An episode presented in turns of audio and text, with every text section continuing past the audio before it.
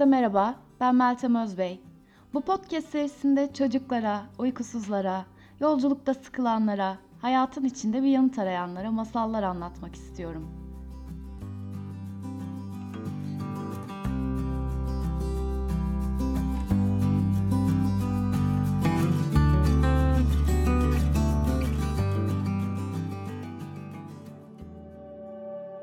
Bugünkü masalımızın adı Sarambay. Hadi bir niyet tutun ve masalın size mesajını öğrenin. Sarambay taşlar kadar fakirdi.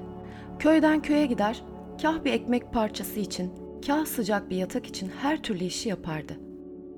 Bir yaz emeği karşılığında ona bir koyun teklif edilince hazine bulmuş gibi oldu. Hani fakir adama sıcak ekmek ziyafet sofrası gibi gelir ya, ona da yaz boyunca bir sürü koyuna çobanlık etmek karşılığında bir koyun almak altın bir fırsat gibi gelmişti.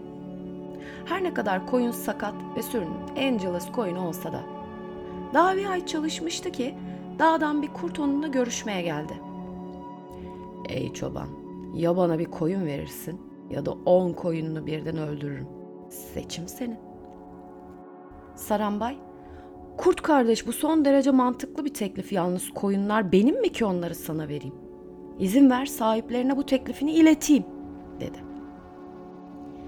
Bir sonraki gün Sarambay bu teklifi sunduğunda sürü sahibi kabul etmiş ama kurda en büyük koyunu vermesini de istememişti tabii. Eh, Angelus'ın da teklif ederse yanlış anlaşılacağından bir orta nokta buldular ve bir sonraki gün Sarambay kurdun gözlerini bağlayarak rastgele bir koyun seçmesini söyledi kurda.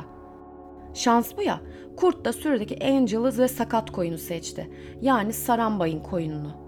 Derler ya yağmur hep ıslakların üzerine yağar. Kurt, üzülme, hayat böyle.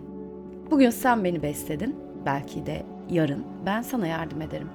Şimdilik bu postu al, şehirde onu satarsın.'' Yaz bitmeden Sarambay şehre indi ve kör bir dokumacıya üç para karşılığında postu sattı.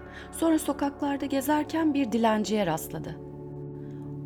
Paran var mı? diye sordu dilenci. Normalde Sarambay'da para olmazdı ama o gün vardı. Hemen dilenciye üç parasından birini verdi. Bunu gören dilenci, sağ ol kardeş, sen bana çok verdin ben de sana çok vereceğim diyerek önündeki kum yığınından bir avuç dolusu kum alıp Sarambay'a uzattı. Sarambay adamı kırmamak için teşekkür ederek hediyesini alıp cebine koydu. Acıkmıştı. Bir hana girdi. İkinci para karşılığında sıcak bir çorba ve bir somun ekmek aldı. Sonra kendisine öbür yolcuların arasında ateşe yakın bir yer bulup uyudu. Sabaha karşı bir grup kervan tüccarın eşyalarını toplarken gece gördükleri rüyaları konuştuklarını duydu. Biri anlatıyordu. Gece üstüm çıplak, yemyeşil çimlerde yatıyordum. Göğsümde ay, dolunay, yus yuvarlak yatıyordu. Üstelik bir de yanı başımda güneş, yüzünü bana dönmüş, gülümsüyordu. Dünyanın kralı olmuştum. Yarı uykulu Sarambay adama dedi ki, ne güzel bir rüya görmüşsün ben hiç görmem böyle güzel rüyalar. Rüyalarımda ancak karnım tok, yatağım sıcak olur. Versene rüyanı bana. Peki ona karşılık ne verirsin bana? diye sordu kervancı gülerek. Sarambay elini cebine atıp son parasını da ona verince Rüyam senin o zaman dedi yolcu ve arkadaşlarıyla gülerek uzaklaştılar. Cebinde para kalmayan Sarambay yoluna devam etti. Kış yaklaşırken işler azalmaya, kapılar kapanmaya başlamıştı. Soğuk bastırınca kimse ekmeğini paylaşmıyordu. Sarambay karın, rüzgarın içinde aç karnına yoluna devam ediyordu. Kıyafetleri sisten hafif, ayakkabıları nefesten inceydi artık. Ama yoluna devam ediyordu. Nereye kadar? Amaçsız yollar bile bir yere varır. Sarambay da ormanın ortasında bir kurtla karşılaşınca o yere vardığını düşündü. Evet vardım sana. Hadi ye beni. Ağzından sıcak buhar çıkıyor. Bu ormanın en sıcak yeri karnındır. İnan şu an yenmek sürüklenmekten daha güzel geliyor bana, dedi kurda. Ama kurt bu sesi duyunca, Sarambay kardeş, bir zamanlar kader elindeki tek varlığınla senden beni beslemeni istemişti. Şimdi ise sanırım seni kurtarmam için beni gönderdi. Bin sırtıma dedi. Böylece Sarambay rüzgara binmiş gibi ağaçların arasında uçtuğunu hissetti.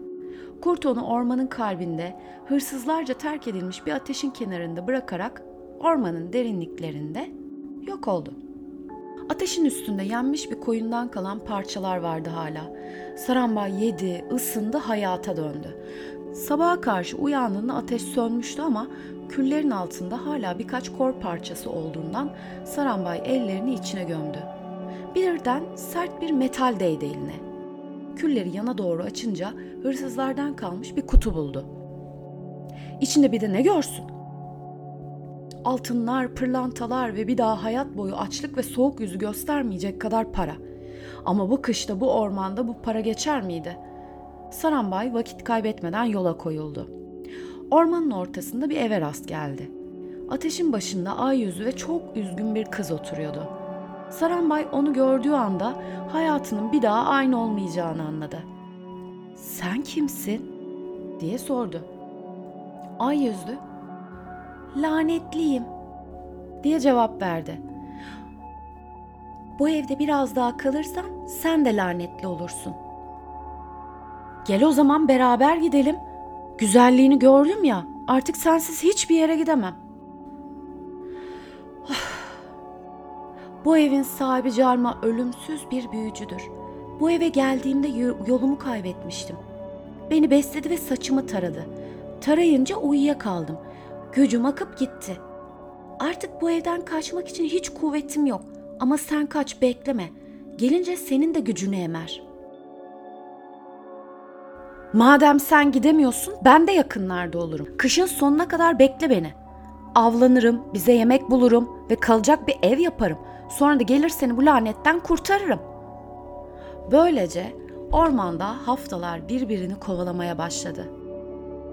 Bir gün Sarambay kargaların etrafında uçuşarak saldırdığı bir yavru ceylan görüp sopayla onları dağıttı. Ormandan büyük bir ceylan çıkıp "Bu anı unutmayacağım insanoğlu." dedi. Zaman akıp geçiyordu. Bir başka gün Sarambay kayaların altında sıkışmış yavru bir dağ keçisiyle karşılaştı. Dev kayaları itip yavruyu kurtardı. Dağdan büyük bir keçi gelerek "Bu anı unutmayacağım insanoğlu." dedi. Günler ardı ardına geçiyordu. Sarambay bu kez dikene dolanmış bir yavru kartala denk geldi. Kanatlarını incitmeden, tüylerini koparmadan kuşu nazikçe özgür bıraktı. Gökten büyük bir kartal geldi ve "Bu anı unutmayacağım insanoğlu."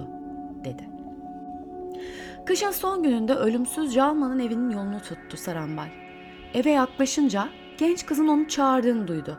Koşarak evin kapısını açtı. Bir elinde ay yüzünün saçını, öbür elinde dev bir bıçağı tutan Calma göz göze geldi. Demek sensin bu kızın çağırdığı kahraman. Harika, ben de ikinizi beraber yerim. Sarambay altın ve pırlantayla dolu bohçasını cadının yüzüne fırlattı. Her yer çil çil altınla kaplandı. Cadı bir an ziyafeti unutup yerdeki hazineyi toplamaya koyuldu. Sarambay ay yüzünün elinden tutup koşmaya başladı ama cadı onları fark edip peşlerine düştü. Bir anda karşılarına Ceylan çıktı. Unutmadım Sarambay bin sırtıma. Ve rüzgardan da hızlı uzaktaki dağın eteklerine kadar götürdü onları. Cadıdan kurtulduklarını düşünüyorlardı ama sonra uzaklardan ormanın ortasından ağaçları yiyerek kendisine yol açan Calman'ın yaklaştığını gördüler. Dağa tırmanmaya başladıklarında karşılarına dağ keçisi çıktı. Unutmadım Sarambay bin sırtıma. Keçi onları dağın en tepesine kadar götürdü. Ancak bir nefeslik vakitleri oldu. Dağın eteklerinde calma kayaları tutarak dağı aşağıya indiriyordu.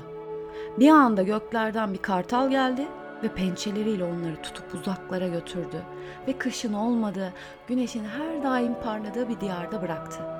Yeşil Ova'nın göbeğinde köyün girişine bir ev yaptılar. Etrafında mis kokulu çilekleri, dev bal kabakları, kuşların şakıdığı ve gölgesinde dinlendikleri asma çardaklarıyla güzel bir bahçe yarattılar. Sade ve huzurlu günler geçiriyorlardı.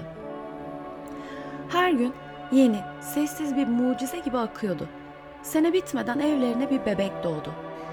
Yazın sonlarına doğru bir gün Sarambay çimlerde yarı çıplak yatıyordu. Göğsünde bembeyaz yüz yuvarlak bebeği uyuyordu. Yanında çimlere diz çökmüş karısı ona bakıp gülümsüyordu. Sarambay rüyasını hatırladı. Bir zamanlar son paramla beğendiğim bir rüya almıştım. Şimdi bu rüya gerçek oldu. Sen sevgilim, güneşimsin. Kızım da dolunay gibi göğsümde yatıyor. Ve gerçekten şu an bu dünyanın kralı bile benden mutlu olamaz. Bir de o gün bir dilenci bir para karşılığında bana bir avuç dolusu kum vermişti. Sarambay kalkıp korkuluğun üstüne attığı eski yolcu paltosunun cebine baktı. Kumları aldı ve rüzgara saçtı. Kumlar rüzgarla uçarak etraftaki tepelere dağıldılar ve her bir kum tanesi bir koyun, bir keçi ya da bir at oldu. Çevredeki şaşırmış köylüler gelip sordular. Nereden geldi bu koyunlar, keçiler, atlar? Kimin bunlar? Sarambay yürüyordu. Uzun bir yolculuktan sonra artık vardığını biliyordu. Bunlar benim, senin, hepimizin. Bunlar bu dünyanın sonsuz yollarının kum taneleri. Karnında yemek, seni sıcak tutacak giysiler, başın üstünde bir çatı ve kalbinde o muhteşem ana ulaştığında Sarambay gibi rüyam gerçek oldu diyebileceğin bir rüya. Rüyanın adını koymalı, onu bilmeli, onun hakkında konuşmalısın. Kalbinin aradığı ne? Bunu planla, projeyle ya da hedefle karıştırma. Rüya kalbin bir çıktısıdır. Sadece düşüncesi bile içinde kanatlar çırpıyormuş gibi hissettirmeli. Sana neşe vermeli. Rüya adımları olan planlar, hedefler listesi değil. Gerçeği kontrol etmeye çalışan ve kaderimizde büken bir yapılacaklar listesi de değil. Rüya adını koyduğun, sonra sen kendi yolunda ilerlerken bir kandil gibi kalbinde öylece yanmaya devam eden bir ışık. Peki o zaman bize nasıl yol gösterir? Eğer Sarambay gibi fark ediyorum, hayret ediyorum, güveniyorum diyen kalbinin sesini dinlersen rüyan sana rehber olur.''